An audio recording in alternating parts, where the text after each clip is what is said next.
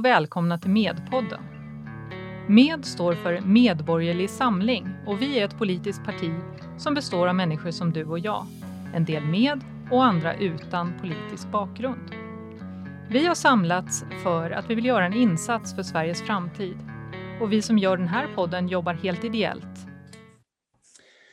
Välkomna till ett nytt avsnitt av Medpanelen. Och idag så ska vi prata om skolpolitik. Och eh, Medborgerlig Samling, det är ett borgerligt parti som beskriver sig självt som ett liberalkonservativt parti. Och jag tror att vi är många som ser Medborgerlig Samling som det enda riktigt borgerliga partiet, eller att vi är liksom klassiskt borgerliga på ett sätt som de andra borgerliga partierna inte längre är. Men nu blir det skolpolitik och jag heter Tristan Tempest och är skolpolitisk talesperson för Medborgerlig Samling. Jag har arbetat i den svenska skolan i 25 år som lärare, både i kommunal skola och friskola. Jag har också varit biträdande rektor i sex år, både för gymnasieskola och eh, högstadium, grundskola. Eh, och eh, jag har alltid sedan högstadiet varit politiskt intresserad, mycket intresserad framförallt av politisk filosofi, men allmänt politik och har eh, gått och längtat efter Medborgerlig Samling sedan dess, mer än halva mitt liv. Ja, det var lite kort om mig. Vi fortsätter här med Annika. Eh, hej, eh, jag heter då Annika Ingmarsson och är ledamot i Österåkers kommun i styrelsen där och ja, jag är då en eh, rektor, det låter förskräckligt, men jag har jobbat i skolan i 38 år och eh, började som lärare, eh, lärarutbildad, eh, lärarlegitimation.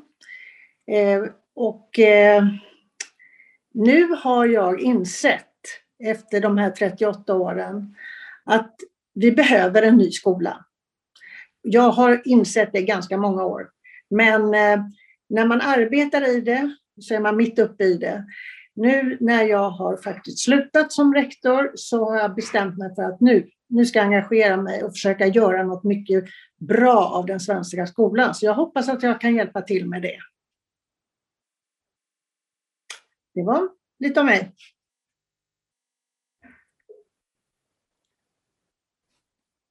Ja, Emelie. Ja, Emelie Pilthammar sitter med som styrelseledamot i partistyrelsen. Eh, är även lärare sedan över 15 år tillbaka. Om ett par månader även färdig specialpedagog. Har också, precis som ni nämner här, varit intresserad av just skolan och försökt förändra mycket inom skolpolitiken, fast tidigare inom Moderaterna. Mycket glad att jag är med i Medborgerlig Samling idag. För jag är helt säker på att den skolpolitik vi för, den är den helt korrekta för att det ska bli så bra som möjligt för eleverna i Sverige. Och det kommer vi diskutera mer sen här. Och Bartosz? Hej, Bartosz heter jag. Bartosz Kots, kommer från Ystad, 40 år gammal. Varit yrkesverksam lärare i 14 år. Jobbat fyra år på högstadiet, främst i resursverksamhet både med aggression replacement training och annan KBT-träning för elever i utsatta situationer. Eh, Sedan tio år tillbaka gymnasielärare i engelska, historia och religionskunskap. Eh, har alltid varit intresserad av skolpolitik och skolpolitiken var det som var en avgörande fråga för mig att bli medlem. Eh, då det är den skolan jag vill ha och många lärare med mig, vet jag. Så det är kort om mig och det ska bli spännande att prata om vår skolpolitik här idag. Ja, vi ska prata framför allt om den skolpolitik som Medborgerlig Samling har, men vi ska också prata lite om den svenska skolan förstås och dess problem och kanske lite också om eh, andra svenska partiers skolpolitik. Eh, så det, det, blir allt möjligt. Ehm, Eh, skolpolitik tycker jag är ett knepigt område, eh, för att på ytan så känns det som att de flesta partier är överens om att skolan ska satsa på kunskap och det ska vara ordning och reda. Och det känns ju som att det är mycket floskler och att det är en stor, det är en stor enighet från högern till vänstern. Men i verkligheten tror jag inte det är det och jag tror att det här är ett politiskt slagfält och har varit det ganska mycket i Sverige Eh, länge, under hela min livstid egentligen, men framförallt kanske sedan 90-talet, men även sedan 60-talet egentligen. Eh, och det finns viktiga ideologiska skillnader att eh, fundera på. Ehm, skolpolitik är också lite märklig på det sättet att alla med rösträtt har ju gått i skolan och har åsikter lite grann om den egna skolgången. Och det gäller att försöka sätta sig in i hur skolan funkar och, och jag tror att många som jobbar i skolan märker hur många vårdnadshavare är dåligt insatta och kanske gör skolval utifrån bristande kunskaper och så. Men det som jag tänkte att vi skulle börja att prata om, det är den offensiv som vi har sett sedan närmare två år tillbaka från de rödgröna partierna i skolfrågan. Ehm, den skola vi har i Sverige idag sedan 90-talet, den skapades ju mycket av regeringen Bildt med friskolor och kursutformat gymnasium och allt möjligt sånt. Och eh, vänstern har väl ganska mycket accepterat det länge, men har nu bestämt sig för att gå på offensiv mot ehm, eh, framförallt friskolor, det, som de kallar för marknadsskolor. Och de har en del relevant kritik och intressant nog så har en del eh, ledarskribenter eh, på, borgerliga ledarsidor eh, gett vänstern till viss del rätt och tycker att eh, de andra borgerliga partierna inte riktigt svarar på den eh, delvis berättigade kritik som kommer från de rödgröna. Så jag tänkte vi skulle kika mer i detalj på detta och se kanske hur Medborgerlig Samling skulle kunna lösa de här frågorna. Men en eh, central del av kritiken är i alla fall kritik mot friskolor. Och det finns problem med friskolereformen som genomfördes för lite drygt 30 år sedan. Eh, och eh, de här problemen har väl inte åtgärdats nu eh, på länge och borgarna, de andra borgarna, de gamla allianspartierna låtsas väl om att det inte är några problem. Men vänstern, de är lite hala på något sätt, för de kritiserar friskolor, men de säger inte riktigt vad de vill göra med friskolorna. Vill de lägga ner alltihopa? Och vi i Medborgerlig Samling, vi gillar privata alternativ, vi gillar ofta konkurrens i verksamhet. Eh, och vi gillar ju valfrihet också till stor utsträckning. Och jag tänker mig att det vore en katastrof att lägga ner friskolorna. Det skulle vara väldigt illa för massor med familjer som har fått en räddning genom det fria skolvalet och friskolor. Eh, men vi har en eh, knepig uppgift att se till då att friskolorna inte har dåliga konsekvenser. Ehm, och Eh, innan jag släpper in er så tänkte jag kort nämna eh, en av punkterna då som eh, vänsterpartierna, de rödgröna, har när det gäller friskolor. Och det handlar om skolpengen. Så här kan eh, vänsterpartierna resonera. Att om det råkar bli så att eh, i en liten kommun med eh, kommunal skola och även friskola, så råkar ett ganska eh, stort gäng kommunala elever då flytta över till friskolan från kommunal skola.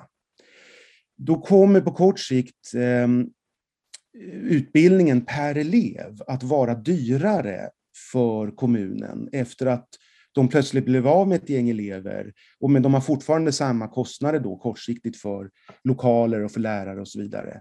Och det gör att skolpengen kan behöva höjas. Och det kommer då till friskolan till del, så friskolan får då mer pengar och blir då eh, fortsatt eh, mer attraktiv än eh, kommunala skolor. Det kan leda till att ännu fler flyttar över. Men ehm, Mm. friskolorna får då en, en höjd skolpeng utan att de har fått högre kostnader, när det är den kommunala skolan som har fått högre kostnader.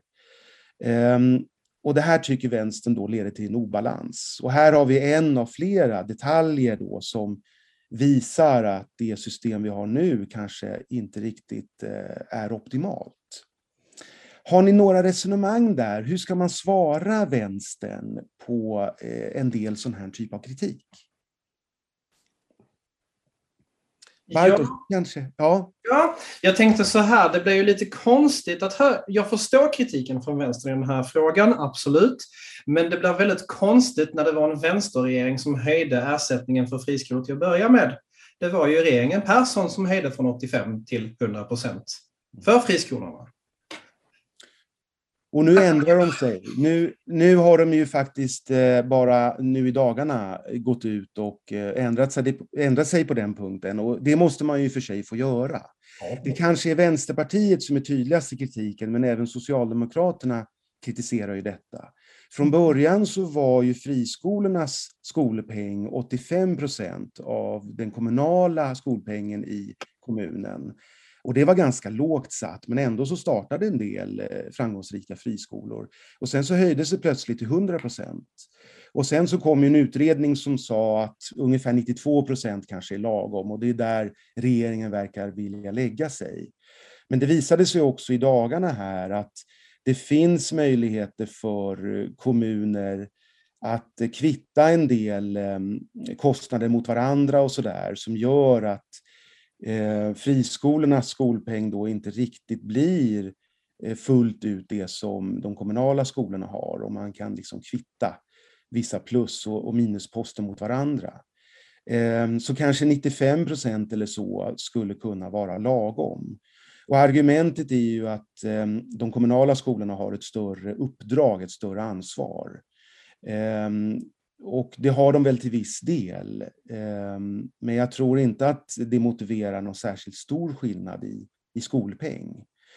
Men jag tror att eh, lösningen kan finnas i att vi eh, tillsammans med några andra partier vill ju att de kommunala skolorna ska återförstatligas så som eh, skolorna var fram till 1989 när nämnde Göran Persson kommunaliserade den statliga skolan.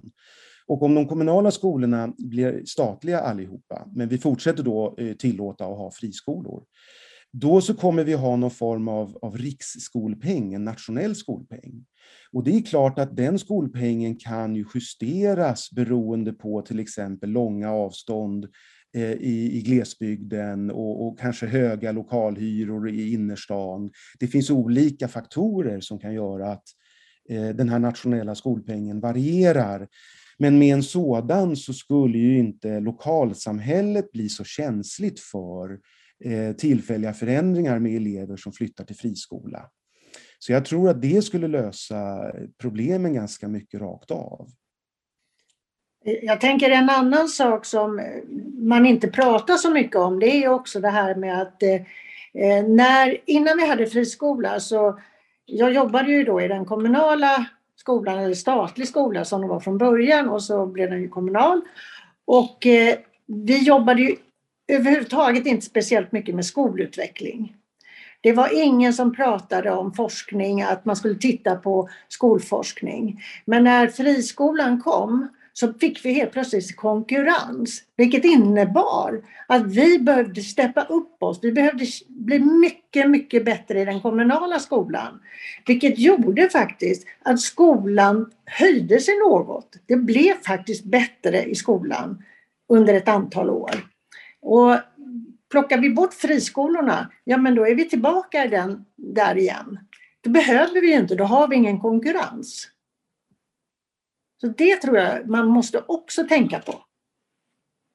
Jag tänker också så och jag tänker med att det, på ett sätt är det en väldigt dålig människosyn som kommer fram i det mm. tänket att man tänker att människor som är så pass vuxna att man kan skaffa barn barnen har blivit så stora att de ska börja skolan, men man tror inte att de klarar av att göra ett val.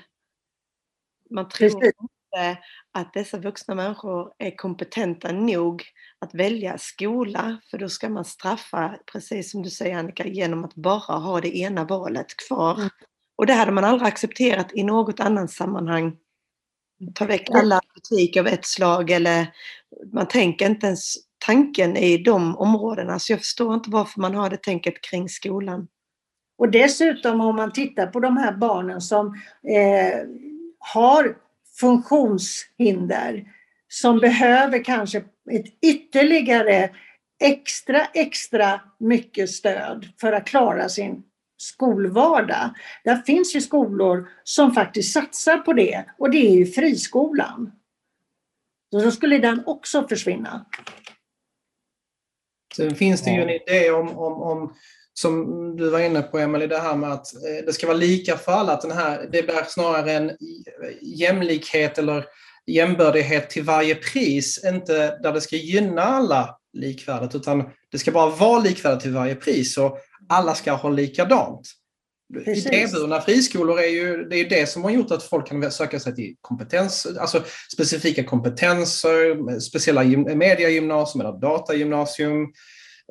Vad det nu må vara, där blir ett val. Och jag menar, den största respekten du kan ge till en medborgare, det är att ge dem valmöjlighet att kunna göra ett vuxet och moget val själv. Mm. Ja, jag tror också mycket på att konkurrensen är bra. Och eh, när friskolereformen kom tidigt i Carl Bildts regering så förstördes en del av det därför att eh, 1994 så lades ju skolan om väldigt mycket. Det var i slutet av Carl Bildts regering. Framförallt på gymnasiet, när gymnasieprogram, de yrkesförberedande blev eh, treåriga och man slätade ut mycket på gymnasiet. Det blev enklare, man införde nytt betygssystem med MVG istället för 1 till 5. Det var kursutformat, det var jättemycket som hände samtidigt. Och mm. huvudsakligen var det försämringar. Och då, till följd av att det här kom i samma regering, så märkte man inte så mycket de positiva effekterna av friskolereformen och det fria skolvalet. Mm. Men jag tänkte ta upp en, en annan sak då som vänstern tar upp som kritik mot friskolor. Där också jag tycker att de andra borgerliga partierna inte riktigt bemödar sig om att svara. Och det är att konkurrensen kan ske med betyg. Mm. Ehm, och det, det sker ju en del betygsinflation. Eh, framförallt på det här MVG-systemet så var det ju eh, stor betygsinflation, men den är ju ganska stor också nu när vi har A, B, C-betyg. Ehm, och det finns ju en del indicier på att friskolorna lite mer leder den här betygsinflationen, att det finns lite grann ett vinstincitament som gör att friskolorna kanske lite mer än kommunala skolor ger glädjebetyg och driver på betygsinflationen. Och ett problem med betygssättningen, som är en myndighetsutövning som kanske inte riktigt är anpassad för eh, privata företag, det är att det är inte bara vissa elever, kanske de flesta elever, som egentligen gärna skulle se ett oförtjänt högt betyg. Utan eh, vårdnadshavarna skulle ofta gärna göra det. Och det händer till och med att skolledningarna skulle göra det, att läraren kan till viss del tjäna egoistiskt på att eh, det blir ehm, omotiverat, oförtjänt hög betygssättning. Till och med huvudman kan driva på eller i alla fall Eh, in, inte har någonting emot oförtjänt hög betygssättning. Så det kan vara massa små faktorer som driver på. Men det är egentligen lärarens yrkesstolthet på något sätt då som, som håller den här betygsinflationen nere. Och när vi hade betygen 1 till 5 så skulle ju medelbetyget i riket vara 3,0. Eh, och den var ju ofta då 3,2 istället. Och jag ser det här lite som en en snällhetsfaktor med 0,2 i det där väldigt gamla betygssystemet. Men den snällhetsfaktorn, den var inte kumulativ, den lades inte på år efter år, utan medelbetyget var 3,2 när det skulle vara 3,0 och det funkade ganska bra. Och mm. generationerna var någorlunda lika bra, det blev lite sämre med åren. Men nu så känns det som att eh, bland annat då en snällhetsfaktor är kumulativ och läggs på hela tiden. Och det där betygssystemet med MVG, det fallerar ju sen när medelbetyget gick strax upp över VG och bara ett betyg höjde. Då, då föll hela systemet och det kommer ju kunna bli så också med det betygssystem vi har nu. Mm. Eh, och jag tycker att de andra borgerliga partierna de bemödar sig inte riktigt att svara på den här kritiken från vänstern. Men här har vi också då ett problem med friskolor, så hur ska vi kunna behålla friskolorna och, och lösa detta problem? Ja, som jag ser det så handlar det ju väldigt mycket om att man har eh, att det blir en eh, central rättning utav de mest väsentliga proven. Vi måste ju på något sätt få en, en rättvis bedömning. Ja, det är mycket där lösningen finns tror jag. Mm. Jag mm. tänker med att de proven räknar egentligen mer faktisk kunskap. Mm. För jag kan känna att ett stort bekymmer är ju hur man ska sätta betygen för det blir väldigt upp till läraren att se, för kraven som sätts redan från årskurs 6, att du ska kunna ha välgrundad argumentation för vissa saker. Det kanske för mig betyder en sak, men för er betyder det någonting annat. Eh, man har en relation till eleverna. Faktisk mm. kunskap är mycket lättare att bedöma att eh, det här ordet betyder detta på engelska. Och klarar du de här tio orden så kommer du få detta betyget. Men idag ser ju inte betygssystemet ser inte ut på det sättet utan betygssystemet säger att du ska kunna diskutera. När jag gick i skolan så använde man detta som man kallar det för flum. Du ska kunna flumma redan från årskurs 6 eh, och ha gissningar, jämföra med nu och då på ett helt annat sätt än vad det var när jag själv gick i skolan. Jag gick ju i skolan på 90-talet.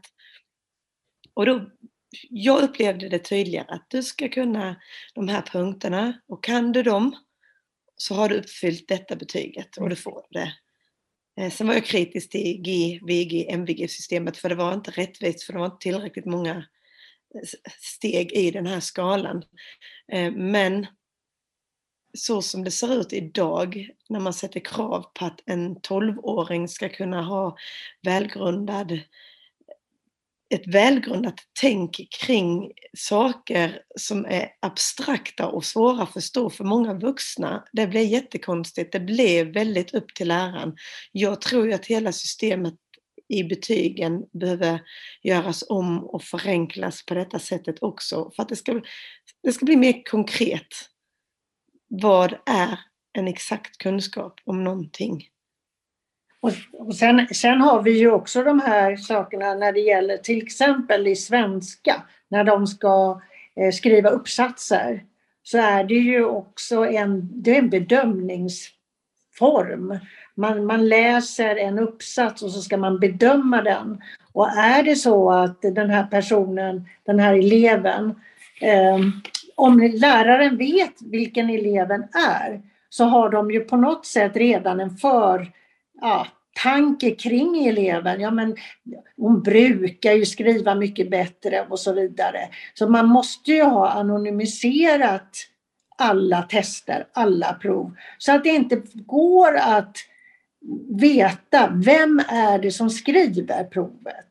För det är ju ofta det här med känslomässiga relationen som gör att en elev kanske får lite bättre betyg än vad eleven är värd. Eller tvärtom, kanske också man har en dålig relation till sin elev och eleven ja, får ett sämre betyg. Det är inte ovanligt. Nej, och vi ser också om man jämför könen, flickor och pojkar, mm. eh, att eh, i förhållande till lite mer objektiva resultat i till exempel eh, matematik eller på nationella prov, mm. så får flickor sen i betyg lite högre än vad de har presterat, medan pojkar i betyg får lite lägre än vad de har presterat på lite mm. mer objektiva mätningar. Precis. Eh, går vi tillbaks till när jag var väldigt ung så var ju pojkar lite starkare i skolan än flickor. Mm. Och det fanns ju också många fler eh, manliga professorer till exempel än kvinnliga professorer. Jag vet inte hur mycket eh, sånt spelar roll. Det har blivit mer lika i könsfördelningen på olika sätt. Men eh, skolan har ju förändrats och eh, det har eh, på vissa sätt i alla fall gynnat flickor och missgynnat pojkar om vi tittar på de senaste decennierna. Och det är en fråga som inte har diskuterats tillräckligt som jag ser det. Mm. Men om vi kikar på Medborgerlig Samlings Eh, beslutade skolpolitik så är vi inne på Annikas spår här, att vi behöver central rättning. Mm. Och eh, att man behöver också kika på subjektiviteten i betygssättningen. Mm. Så en idé det är att eh, skolan ska använda sig av maskinellt rättade prov. Högskoleprovet har ju sedan länge varit rättat av, av maskiner. Mm. Eh, och det är ju inte all kunskap och alla färdigheter som kan mätas på det sättet, eh, inte på långa vägar. Mm. Men en hel del faktakunskaper som Emelie är inne på kan man mäta bra, även bland unga elever med maskinellt rättade prov. Och de kan man göra anonymiserade och de blir centralt rättade. Eh, och det fungerar i matematik i många olika årskurser, de allra flesta förmågor. Ehm, så att som ett, som ett komplement till mer kvantitativ bedömning från maskinella mm. prov så behövs ju också en mer subjektiv bedömning. För mm. även om man inte behöver ha så mycket av de här analysförmågorna och argumentationsförmågorna på mellanstadiet som Emil är inne på här, så kanske de ändå behövs på gymnasiet där det är mm. betygssättning. Och det blir subjektivt och det är svårt att komma ifrån. Men om det finns eh, många maskinellt rättade prov som är ganska enkla att genomföra i, i många, framförallt teoretiska ämnen, i många årskurser så får man någonting eh, kvantitativt som också kan komplettera det mer subjektiva, kvalitativa. Och, och, vi vill ju att lärare ska fortsätta göra en subjektiv, kvalitativ bedömning av eleverna, mycket med feedback och, och så, och utvecklingssamtal där man berättar för, för vårdnadshavarna och eleverna och så. Så det, det ska vi ha med. Men det kanske inte ska vara väldigt avgörande för hur det går med gymnasieantagningen sen och kanske till och med sen på högskoleantagningen. Så att en, en annan åtgärd som vi har för att eh, det här med eh, friskolornas glädjebetyg då inte ska eh, vara ett så stort problem, det är att högskolorna i större utsträckning ska få sköta sin egen antagning. Det ska inte vara gymnasielärare som sätter för höga betyg som då på något sätt saboterar för högskolan. För, för det är gymnasielärarnas betygssättning som nu styr mm. hur det går sen med högskolans antagning. Och på samma sätt så ska inte högstadielärarnas glädjebetyg få förstöra då för gymnasieantagningen och gymnasieskolorna som då i större utsträckning ska få sköta sin egen antagning. Så det ena är alltså att betygens roll ska minska. Det andra är att Eh, de subjektiva, kvalitativa eh, betygen, de ska kompletteras av maskinellt rättade prov i stor utsträckning då, som är mer inne på Annikas och Emelies idé här då. Eh, och det tror jag löser de viktigaste problemen här. Och alla problem kommer inte försvinna över en natt. Men vi måste ju också väga det mot den valfrihet som Bartosz är inne på och den konkurrens som Annika är inne på och de mm. stora fördelar som friskolor har. Man får väga mot varandra. Mm. Och jag tror att vi här hittar en väldigt bra fungerande kompromiss. Mm. Och Det finns ju egentligen mer att tillägga, jag var lite inne på det Emelie sa, just om det här med flummet som man talar om. man tittar på kunskapskraven vi har i skolan idag så handlar det om att utförligt och nyanserat med gott flyt, med eh, varierat flyt. Det är alla möjliga formuleringar och så vidare. I skolan idag så är, är betygen utformade på ett sådant sätt så att vi bedömer produktion. Vi bedömer oss inte en kunskapsnivå som eleverna når upp till, utan vad de kan producera ja, i princip med alltså, inskaffad kunskap sedan tidigare eller från något annat område. De ska göra en argumenterande text, och de ska ha ett flyt i det. Aha. Så vi belönar alltså elever idag som kan kommunicera via text och tal på ett väldigt utförligt och nyanserat sätt. Det visar ingenting om vad eleven kan egentligen. De kan säkert dra av ett supernyanserat resonemang om kalla kriget, men vad kan eleven egentligen om kalla kriget? Nu raljerar jag i ett väldigt så här fyrkantigt exempel, va?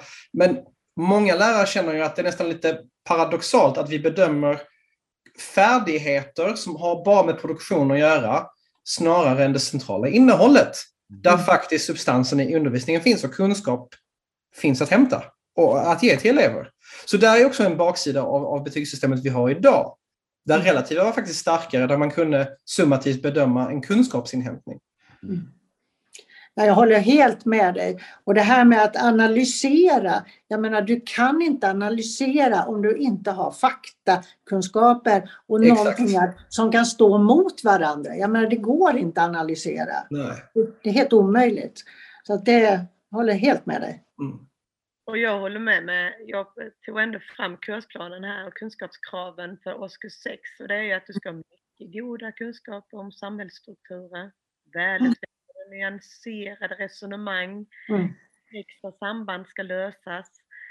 Eh, det är ord som är svåra upp på alltså årskurs 9 och bedöma detta och då sätts det på en enskild individ som lärare att göra mm. bedömningen om det är ett välutvecklat resonemang mm. eller om det bara är ett utvecklat resonemang eller om det är ett resonemang det blev flummigt. Det är jättesvårt att se skillnaden.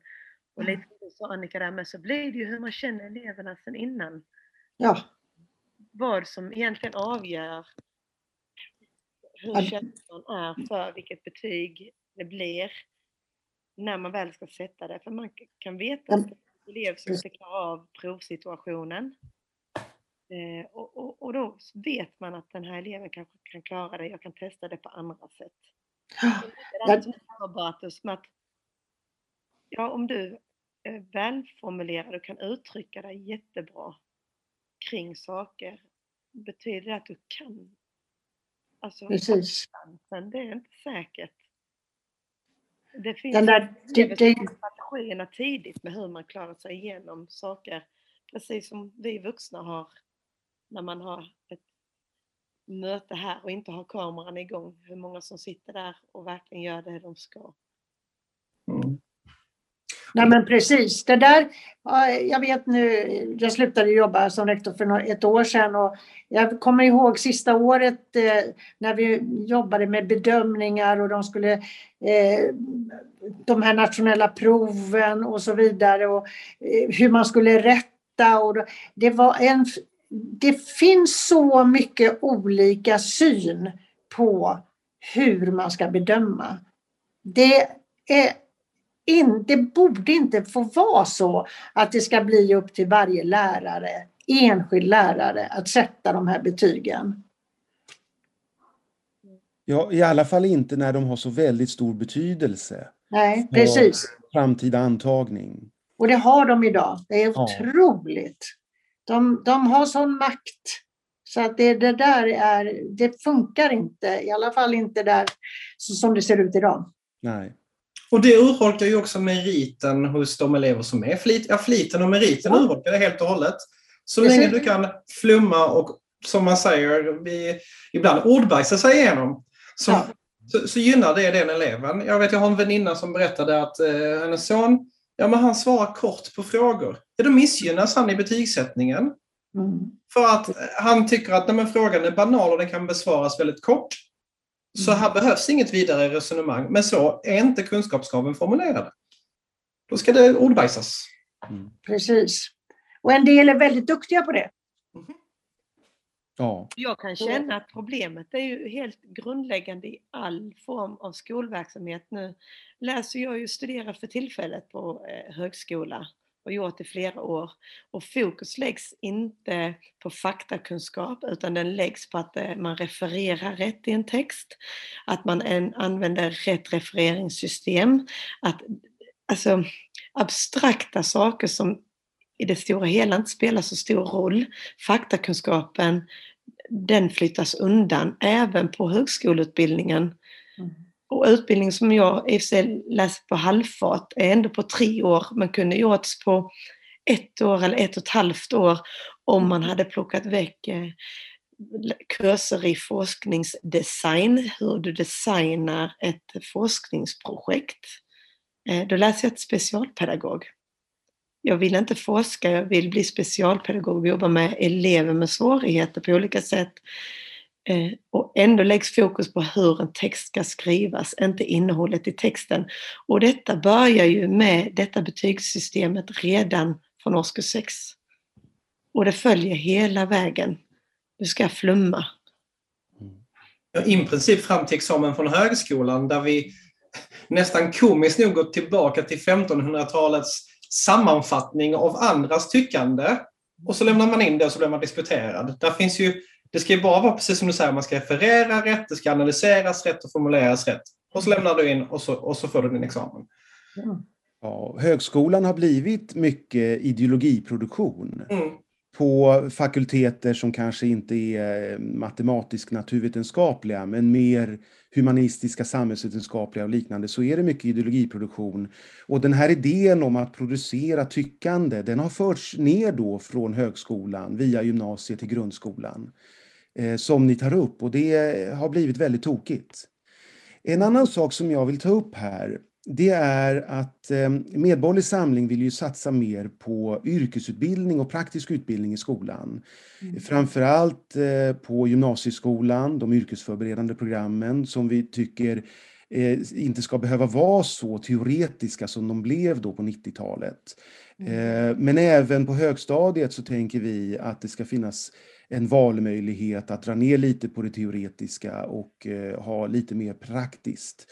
Och som de praktiska ämnena har blivit sedan mitten av 90-talet så är det ju helt tokigt där ett högt betyg, då, ett MVG eller ett A i, i slöjd eller något annat praktiskt ämne har handlat mycket om att motivera det man har gjort och liknande och man ska liksom skriva texter om, om hantverket istället för att vara duktig på att hantverka. Så att mm. den här teoretiska färdigheten som gynnar elever i teoretiska ämnen, den har också förts vidare till praktiska ämnen. Och de eleverna som inte är teoretiskt intresserade eller så, och mer praktiskt inriktade, de har drabbats mycket av det som har hänt de senaste åren. Och det är väl en förklaring också till sämre skolresultat och kanske också en del stök och bristande motivation. Och det är viktigt att elever ganska tidigt, men även senare, kan hitta det de är intresserade av, det de har fallenhet för, det de gillar och att de får pröva allt möjligt. Och att det ska finnas en möjlighet med mer yrkesutbildning. Och mm. industrin och näringslivet i Sverige skriker ju efter att kunna anställa människor som vi i Sverige inte utbildar för. Delvis därför att vi har så bristfälligt yrkesgymnasium. Mm. Eh, så det anknyter en del också eh, till det som Emelie har tagit upp med det här överteoretiserandet. Mm. Samtidigt som vi ska ha för de elever som verkligen är teoretiskt skickliga och begåvade så ska vi ha hög teoretisk nivå. Man ska kunna gå fram snabbt. Ehm, och jag förstår inte att de andra partierna, både till höger och vänster, är så väldigt tröga med detta och att Socialdemokraterna på något sätt har tappat liksom någon yrke, eller en stolthet kring arbetaryrken, vilket är elmärkligt. De tänker sig att alla ska bli akademiker ungefär. Mm. Och det är så skolan har utvecklats mycket, både från högern och vänstern.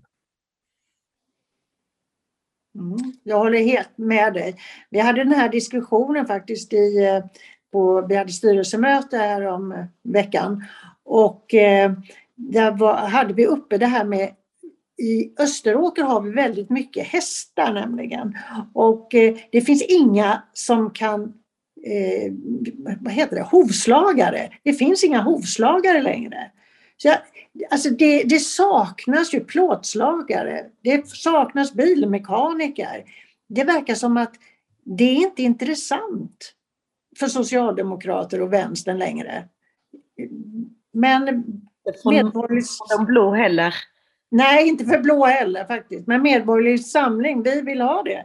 Alltså det är så oerhört viktigt att man underlättar, precis som du var inne på Emelie, att man inte slår undan fötterna på dem redan på mellan och högstadiet, de som inte är så studiemotiverade eller har fallenhet eller mogenhet för att studera på akademisk nivå. Utan att underlätta att de kan faktiskt börja arbeta med ett hantverk när de är 16, 17, 18 år gamla.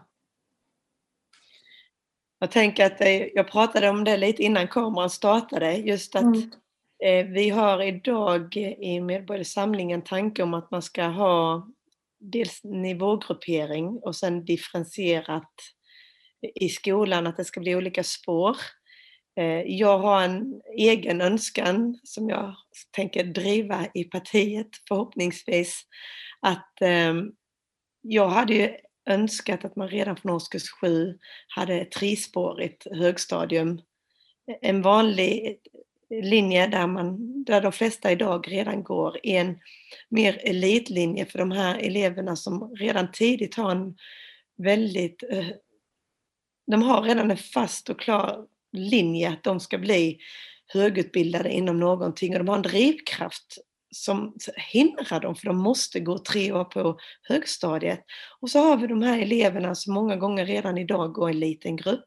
Mm. Man är praktiskt duktig men inte teoretiskt duktig. Men man ska tvinga sig igenom tre år på högstadiet och misslyckas i ämne efter ämne och aldrig får känna att man kan. Samtidigt som du säger Annika, vi har inte människor som jobbar i de här praktiska mm. Yrkena längre för alla ska vara högskoleförberedda. Mm. Alltså, vill du bli florist idag eller frisör eller köra lastbil så ska du ha en högskoleförberedd utbildning. Alltså, det är för mig absurt. Det är helt fel. Det blir, det blir barockt när eh, byggare ska skriva en, alltså en uppsats i svenska 3 som även alltså, humanistiska linjer elever har svårt att klara av på första försöket. Och då ska den här mm. stackars eleven på ett praktiskt program ja, skriva i princip en akademisk text som de aldrig kommer att ha nytta av överhuvudtaget. Och tänker man därmed, alltså det hade blivit en vinst för Sverige som land att tänka om, för vi hade fått ut en stor del i nästa generation som hade kunnat börja arbeta långt tidigare. Nu mm. höjer vi pensionsåldern. Eh, man har tankar, alla, vi vill ha fler som arbetar, men vi förlänger skoltiden för alla utan att egentligen göra den effektiv eller bättre, utan man drar bara ut på det för att man kan berätta att man har gått så här många år i skolan, mm. istället för att berätta vad man verkligen har lärt sig. För tänk om vi skulle kunna få ut alla de här ungdomarna till att börja jobba 16, 17, 18 års åldern mm. som vill jobba. Kommer de på när de är 35 att nu vill inte jag detta mer? Nej, självklart ska du få möjligheten att läsa in någonting annat. Men vi vill ju att människor ska jobba och de här risken är att de här hamnar utanför så tidigt att de aldrig kommer in i samhället igen. Mm. Ja, och jag kan bara eh, understryka hur eh, hur svårt det är att få tag på hantverkare och verkstadsarbetare idag. Jag var och besökte faktiskt en, en, en verkstadsindustri idag som eh, jobbar med stållinor. Och eh, där träffade jag flera personer som hade jobbat där i princip hela sitt liv. De kunde allt om stållinor. Men det är nästan omöjligt idag att få tag i personal. För de, de, ska inte, de vill inte jobba heller med i verkstadsindustrin. Det, har inte blivit, det är inte populärt längre. Och därför är det ju någonting som vi måste jobba oerhört hårt för. Att göra det populärt, att det här är någonting som du kan faktiskt i en tidig ålder börja tjäna dina egna pengar och få en väldigt bra vuxen, ett bra vuxenliv. Mm. Den här nya linjen då om att nedvärdera eh, praktisk utbildning och yrkesutbildning det leder ju till två problem. Dels det som, som ni alla tar upp här, att det blir brist på eh, yrkesutbildade människor. Mm. Men det leder också till att eh, kraven och nivån i teoretisk utbildning sänks och har sänkts för att alla ska klara av den. Mm. Eh, så genom att eh, ha ett fungerande yrkesgymnasium och ha en, en praktisk linje då också på högstadiet, ett sådant spår, så kan vi också snäppa upp den teoretiska nivån. Mm. Och det blir en win-win för, för hela landet. Och som det är nu så går vi helt fel.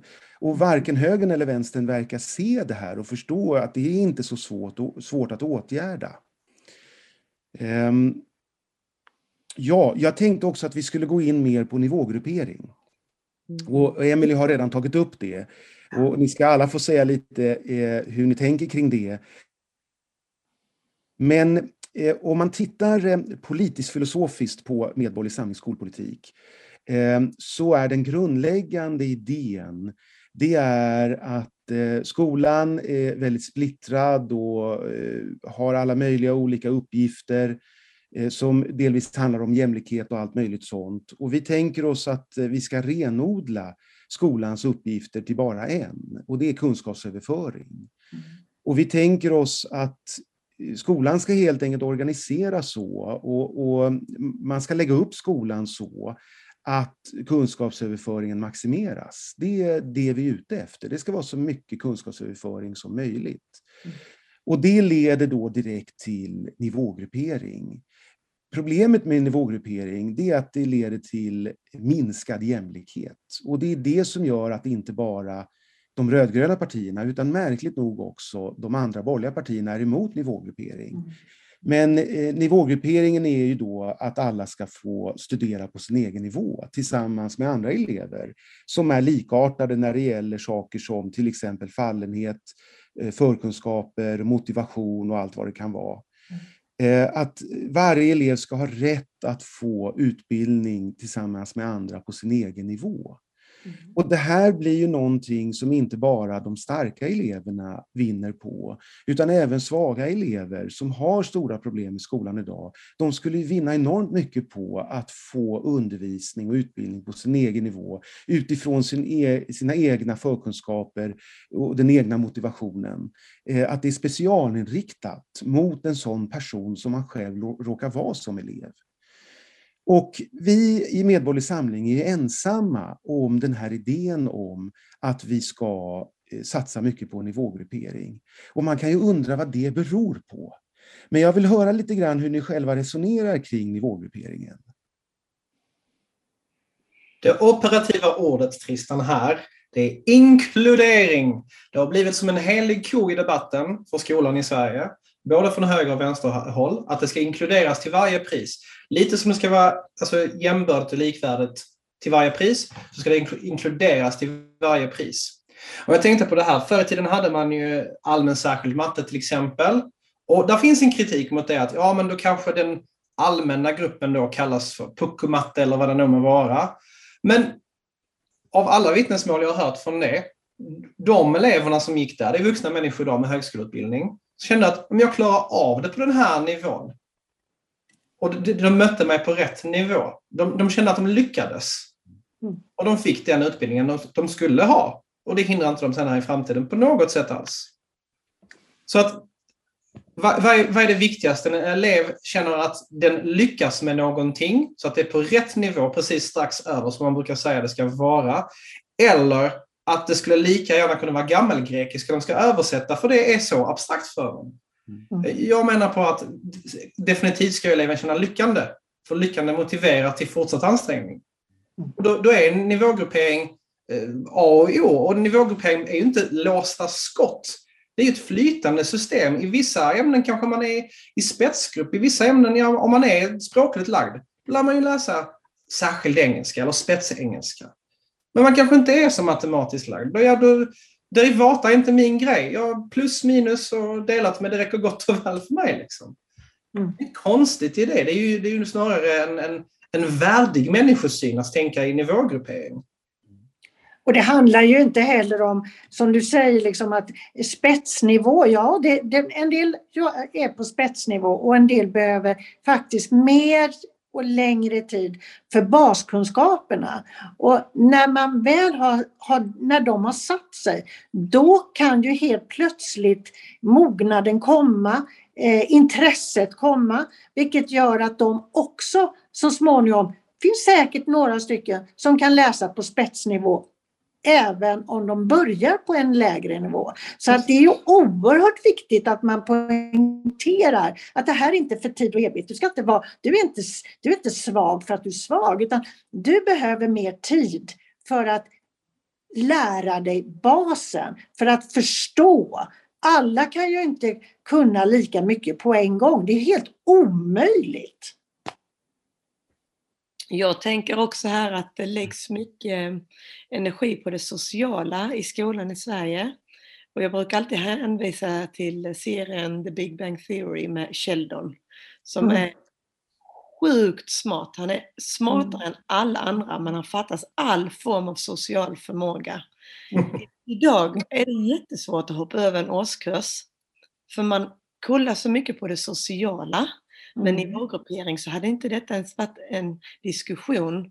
För du läser med dem som ligger kunskapsmässigt på samma nivå som du i det ämne du, du är i.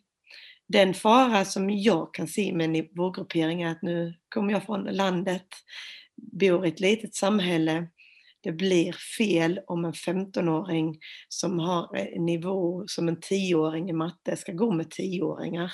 Mm. Det är mm. lättare att motivera att en 10-åring går med 15-åringar och läser matte. Eh, så jag tänker att någonstans i en skola med 70-80 elever, det är svårt. eh, när man ska upp och byta skola till högstadiet. Det kan bli svårt. Eh, så någonstans ska det finnas någon gräns, tänker jag, för att det är inte lämpligt att du som att det blir för stor åldersskillnad mellan eleverna, att man måste se. Eh, men jag tror annars att, jag tror att det, detta är det bästa. Om man tittar på barnkonventionen så ska det utgå från barnets bästa och då är det individens bästa. Och svenskt skolsystem idag utgår inte från att barnets bästa ska sättas främst. Det utgår från att det ska fungera bra i socialdemokratiskt fack där alla ska in i exakt samma mönster och fungera. Helst redan från tre års ålder, vilket alla tycker att man ska tvingas in i systemet och sen ska man följa det så länge det går. Ehm, jag tänker, där har du, precis, jag tänker också det här med eleverna som, jag menar 15-åring och 10-åring, det är samma sak egentligen när du börjar skolan. Så kanske du är född i januari eller så är det född i december. Det är, det, redan där har vi ju ett problem. Mm. Ja, och vi har funderat lite på flexibel skolstart och så. Mm. Men jag vill svara Emelie lite grann när det gäller hur långt den här nivågrupperingen ska drivas. Mm. Och, jag håller med om att det kan absolut vara olämpligt eh, för en 15-åring att läsa tillsammans med 10-åringar.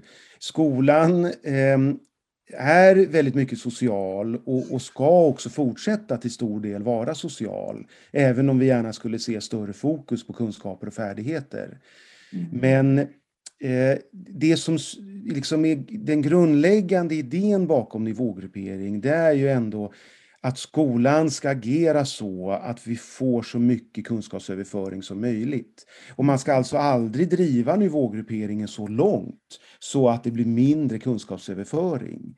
Till exempel så är vi alltid begränsade av en budget, vi är begränsade av tillgänglighet till lokaler och lärare och det betyder att vi måste ha vissa storlekar på undervisningsgrupperna och så vidare och det begränsar ju också nivågruppering. Och man måste också ta hänsyn till att det kanske inte är lämpligt att ha en 15-åring tillsammans med 10-åringar. Mm. Eh, så det ska ju vägas in, för det kommer att kunna drabba eh, funktionen och trivsel och, och så i skolan, vilket eh, spiller ut över då kunskapsöverföringen. Mm. Att de som arbetar professionellt i skolan, och det är både skolledare och lärare, måste tillsammans göra en bedömning hur man ska satsa resurser och, och, hur man ska eh, sköta nivågrupperingen och driva den i praktiken utifrån lokala förutsättningar. Så det blir ett flexibelt system där mm. skolledningarna är uppmanade eh, från centralt håll att agera så att vi får så mycket kunskapsöverföring som möjligt. Använd eget huvud, lös uppgiften. Mm. Ehm, och, och det, man ska aldrig driva någon åtgärd liksom till sin spets väldigt långt och bli väldigt extrem där. Om det går utöver den grundläggande värderingen som är mm. maximerad kunskapsöverföring. Så det som är klart är att vi får eh, mycket mer kunskaps, eh, förlåt, vi får mycket mer nivågruppering än vad vi har idag. Mm. Hur långt man går, det kommer variera beroende på omständigheter. Mm. Mm. Så jag, jag, tror inte att det blir eh, några negativa konsekvenser så, annat än att förstås alla i sin yrkesroll gör eh, till viss del eh, felaktiga bedömningar om man får justera och så vidare. Det kommer mm. bli barnsjukdomar och liknande. Mm. Och jag tror också att Emelies idé här om att ha högstadiet i tre olika linjer istället för två är ju någonting som kanske blir resultatet i längden efter att man först provar med två. Eh, Medborgerlig Samling tänker sig alltså att det är inte bara så att vi ska ha ett kraftigt eh, differentierat gymnasium med massor med olika program, utan vi ska ju ha ett lite differentierat högstadium då med två olika linjer. Mm. En eh, lite mer praktisk och en lite mer teoretisk. Och skillnaden ska inte vara jättestor. Och sen ska vi ha nivågruppering inom dem. Mm. Och eh, jag tror att eh, när man reformerar skolan och inför mer nivågruppering och liknande så eh, ska man inte göra en revolution i skolan över en natt. Utan vi kommer också se lite efter en mandatperiod lite eh, var man kanske ska gå ännu längre, att man är lite mm. försiktig i första steget. Mm. Eh, så, så jag tror att att Emelies tänkande här är, är helt förenligt med hur partiet tänker och vi får se lite grann exakt var vi landar i praktiken. Mm. Jag tror även det är förenligt med, med den viktigaste faktorn i det här kanske, det är de som ska utföra det och det är lärarna. Jag tror att även de mest övertygade ideologiskt lärarna om den här inkluderingsdoktrinen kommer att dra en lättnadssuck när de får nivågruppering. Alltså, om jag har en klass där jag har ett otroligt stort, eh, alltså en otroligt stort gap mellan den svagaste eleven och den starkaste eleven. Jag har inga problem att dela upp gruppen i tre, för annars måste man ligga på den här mittmassan som tråkar ut den starkaste eleven, men är fortfarande på tok för abstrakt för den svagaste eleven. Mm. Jag har jättegärna separat lektion med de tre, fyra svagaste eleverna på deras nivå. Mm. En lektion för de som är majoriteten och sen en, en annan lektion av samma typ, fast för spetsen. Mm. Samma kurs, men olika nivåer och olika schemapositioner. Så att det inte blir det här konstiga. Alltså, ja, visst, det kanske kommer att vara problem att vi behöver fler lärare i skolan. Eh, Schemana kommer att se ut och tjänsterna kommer att fördelas kanske annorlunda. Men det kommer att gynna eleven och det kommer att vara en, en lättnad för många lärare att de känner att ytterkanterna hela tiden blir lidande. För det är det vi pratar om, det är ytterkanterna som blir lidande, både topp och botten. Och vi lärare står i mitten bara, hur fan ska jag lösa det här? Ursäkta att jag svär.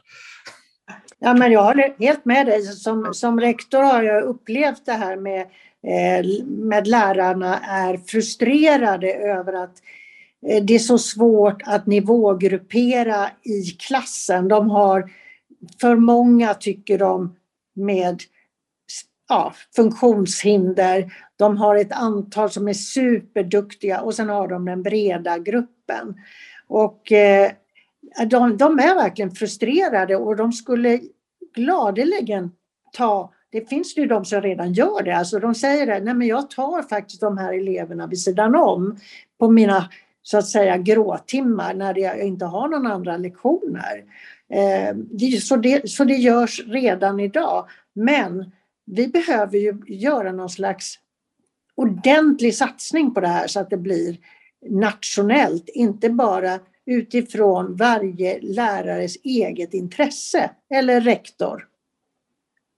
Mm. Jag vill nämna också att i den skuggbudget som Medborgerlig Samling gjorde inför eh, valet 2018, en budget som skulle vara då från 2018 till 2022, en ja. skuggstatsbudget, så hade vi en ganska stor ökad satsning på skolan. Mm. Och egentligen så lider inte skolan akuta eh, problem med ekonomiska resurser. Det finns lärarbrist och det finns mycket problem med stök och oro och liknande. Men skolan kostar mycket. Men vi tänkte ändå att eh, en del av reformerna kommer att bli kortsiktigt bli eh, ganska dyra och det behöver eh, finansieras. Men i längden så tror jag att vi får en väldigt stor samhällsvinst av eh, nivågruppering i skolan. Eh, jag vill också kort nämna det här som Bartosz har pratat om, inkludering och förklara lite grann. Jag tror en del lyssnare eh, inte känner till begreppet riktigt. Och det är en ideologi kan man säga uppifrån, från Skolverket och ursprungligen egentligen från riksdagen, om att man inte ska särskilja elever i olika grupper. Man ska inte ha obsklasser som vi hade förr och det ska inte vara allmän och särskild grupp. Och den enda åtskillnaden man egentligen ska ha, det är särskolan. Men annars ingen åtskillnad alls. Så elever med olika mm, eh, diagnoser och olika förkunskaper och allt vad det kan vara, de blandar man då i samma undervisningsgrupp. Det är det som är inkluderingen. Och tanken är att läraren ska då individualisera i sin undervisning. Och det här har lett till att det är svårare nu att undervisa i klassens ram än det var förr. Och det gör att lärarna inte lika mycket ens försöker undervisa i klassens ram, utan man sätter eleverna i arbete, enskilt arbete. Mm. Och det är ändå så betygssystemet fungerar, att de ska leverera produkter. Exakt, undervisningen, ja, undervisningen har ju minskat en hel del. Och genom att eh, slänga bort den här inkluderingsideologin om att man får liksom inte särskilja någon utan alla ska vara med tillsammans oavsett förmåga. Genom att slänga det i sopen och köra nivågruppering så kan vi återinföra undervisningen också i den svenska skolan. Det här kommer ju få hur bra resultat som helst. Och alla elever, även svaga elever, kommer ju att må så mycket bättre och vara så mycket stoltare över att de kan prestera och de, de kan gå framåt och lära sig saker och visa det när de får undervisning på sin egen nivå. Och sen om det är så att eh, de starka eleverna, om man nu får säga så, studiestarka elever, eh, vinner mer på nivågrupperingen än studiesvaga gör, ja, då må det vara hänt. Det kanske blir blir då en större ojämlikhet. Det är det jag tror är resultatet. Men alla vinner ju på det, även om då vissa vinner mer på det. Så det blir mer ojämlikhet, men vi får väl ta den ojämlikheten.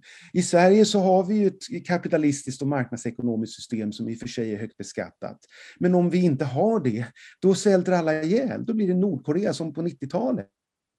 Men jag, jag tänker så här, det, det Tristan. Tristan, det är ju så att alla vinner på det. Det är inte så att de som du säger studiestarka vinner mest på det, utan även de som har, eh, behöver längre tid på sig och som du säger som svagare elever.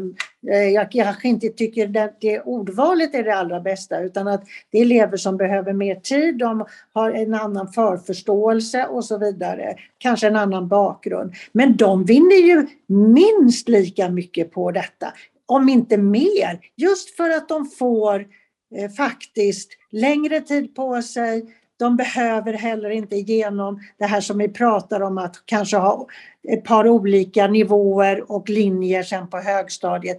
De kan gå vidare och jobba inom olika yrken, yrkesförberedande.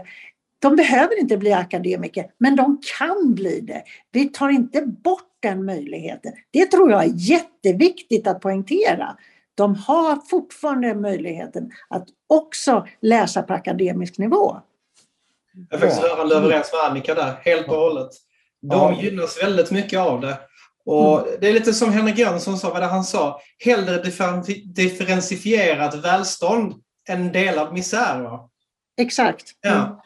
Alltså de gynnas ju allihopa för de får mötas och lyckas.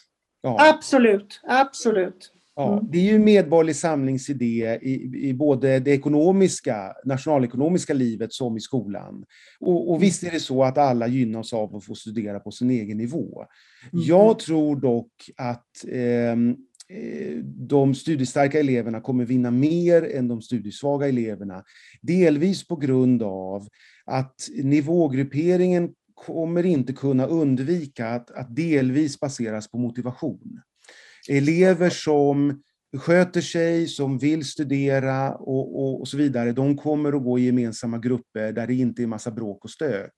Och det kan leda till att elever som inte gillar skolsystemet alls, och de vill inte vara i skolan överhuvudtaget, eller som eh, kanske har andra neurologiska problem eller vad det kan vara, som är utåtagerande, stökiga och bråkiga och så vidare, de kommer att samlas. Och det finns en risk att de drar ner varandra. Jag tror inte på det. Jag tror faktiskt inte på det Tristan, för jag har testat det här.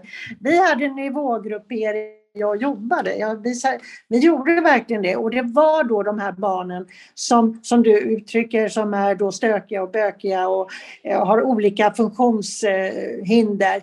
Men när de kom tillsammans med en, en bra lärare de blev motiverade för att då kunde man börja på deras nivå och de satte mål. Vad är målet för dig? Alltså det var fantastiskt att se de här eleverna. Jag hade elever som gick ut med högsta betyg sen i årskurs 9 som var i den här gruppen. Så nej, jag håller inte med dig.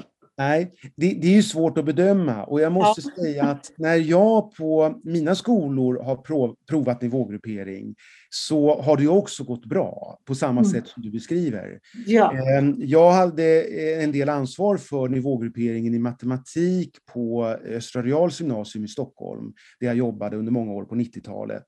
Och då hade vi eh, i matematik då i ettan på samhällsvetenskapsprogrammet, oavsett om de tänkte gå in då på ekonomisk eller humanistisk variant sen längre fram, så hade vi då eh, matematiken schemalagd samtidigt i ettan. Och det var mm. massor med klasser. Det var ett år till exempel sju klasser som låg samtidigt och sju lärare. Och sen mm. så delade vi upp dem efter nivå. Och de mm. hade ju samma prov. Det är bara det att eleverna skulle gå i den gruppen där de själv vann mest på det. Så hade man massor med förkunskaper och man var väldigt stark och så vidare, då gick man i toppgruppen och då fick man träning på MVG-uppgifter och liknande. Och hade man jättedåliga förkunskaper eller så, så kunde man gå mycket längre ner och då fick man träna på sin egen nivå. Och, mm. och hela tiden var idén att man skulle gå i den gruppen där man själv vinner så mycket på det som möjligt. Mm. Och i de här klasserna så kunde det vara en del stök och det var många på samhällsvetenskapsprogrammet där, andra halvan på 90-talet, som inte var så mm. studiemotiverade. Men i matten funkar det. För där fick ju de här eleverna undervisning på sin nivå. Det var väldigt, väldigt positivt. Mm. Eh, så jag tror ofta att det verkligen är win-win för allihopa. Mm. Eh, och, och, det är väl egentligen bara när man genomför reformen som man får se lite eh, hur utfallet blir. Men det är väldigt kul att höra i alla fall er, er bedömning och jag måste säga mm. att det stämmer med den begränsade erfarenhet som jag har. Vi har provat lite på mina andra skolor också. Mm. Det här var ju på Östermalm i Stockholm och, och, så, det var ju inte samma typer av sociala problem som vi har i en del utsatta områden och så, så det här är en väldigt begränsad erfarenhet. Mm. Eh, men, men jätteroligt att, att höra. Mm. Jag tänker ja. Det finns ju en bild som jag tror alla inom skolvärlden i alla fall har sett eh, där det står ett träd. Och framför trädet så står det en apa, en, ja, precis. en säl, eh, en fågel. Det är lite olika och så står läraren framför en guldfisk i en skål är det också. Så står läraren framför och säger så. Den får högst betyg som tar sig längst upp i trädet snabbast. Och så mm skolsystemet ut idag. Mm. mm. Där sitter en klass med alla dessa olika individer. Mm. Men vi kan omöjligt anpassa allting till dem. För verktygen finns inte, för man kan inte i en klass med 20-25 elever anpassa för varenda elev utan att jobba dygnet runt. Nej, och dessutom ska det till extra anpassningar pratar man om dessutom. Så att det, nej. Ja. Jag håller med dig. Låt alla guldfiskarna gå tillsammans. Ja, precis. Och samma skola. Låt aporna hänga i trädet tillsammans istället för att hänga med de andra djuren. Precis. Eller så, vi sågar ner trädet så kan man... Då blir några glada. Nej, men jag bekräftar också det Annika säger. Jag har jobbat på resursskolor där det har varit just elever framförallt. Självklart har MPF-problematik funnits även där. Men det stora problemet där var social utsatthet. Alltså det var barn mm. från socialt utsatta områden med stor fattigdom, hög kriminalitet, eh, gängrekrytering. Och även där, liten skola, 25 elever, vi nivågrupperade dem. Mm.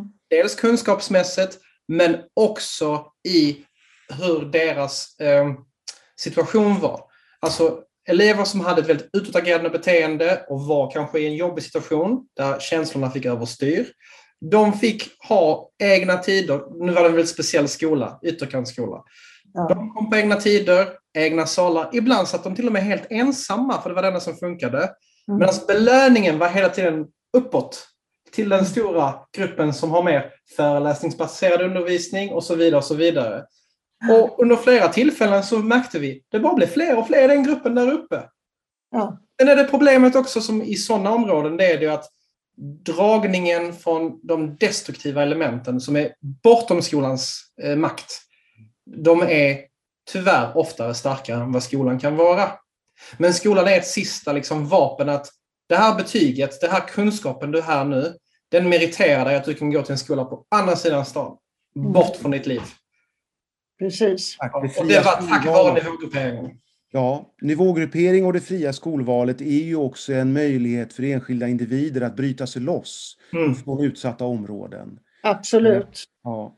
Och ehm, eh, den här eh, inkluderingen Eh, den leder ju också till det som Annika nämnde, extra anpassningar. Det är en växande andel av eleverna, ofta mer än hälften i en klass, som har beslutade extra anpassningar som Mm. läraren ska hålla sig till och som gör att det blir ännu svårare då att undervisa i klassens ram, utan man sätter då eleverna i eget arbete. Mm. Ja, det här har varit mycket intressant, fantastiskt bra diskussion. Vi har kommit in på en del av Medborgerlig Samlings politiska idéer och åsikter. Eh, nu har tittare fått höra lite grann hur vi engagerade lärare i Medborgerlig Samling resonerar lite kring skolans problem och lite hur vi tänker att vi kan åtgärda dem.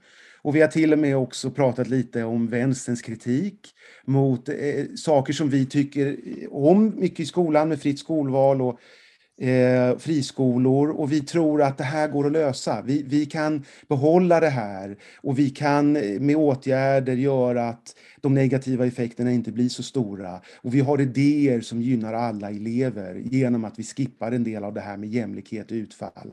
Det ska vara så att varje elev får undervisning på sin egen nivå istället.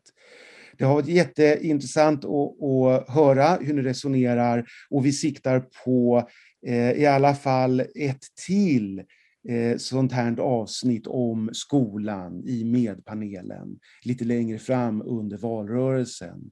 Tack så mycket för att ni har lyssnat som eh, lyssnare här och tack för medverkan av mina härliga partikamrater.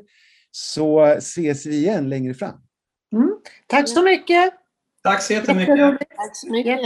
Tack, hej hej! Du som har lyssnat på podden, återkoppla gärna till oss i Medborgerlig Samling i kommentarsfälten. Du har nu lyssnat på Medpodden, en podcast från Medborgerlig Samling. Vi som gör den här podden jobbar ideellt. Och om du vill stödja Medpodden får du gärna göra det via swishnummer 123 094 0197. 123 094 0197. Pengarna går till produktionskostnader för den här podden och andra mediaproduktioner som vi gör.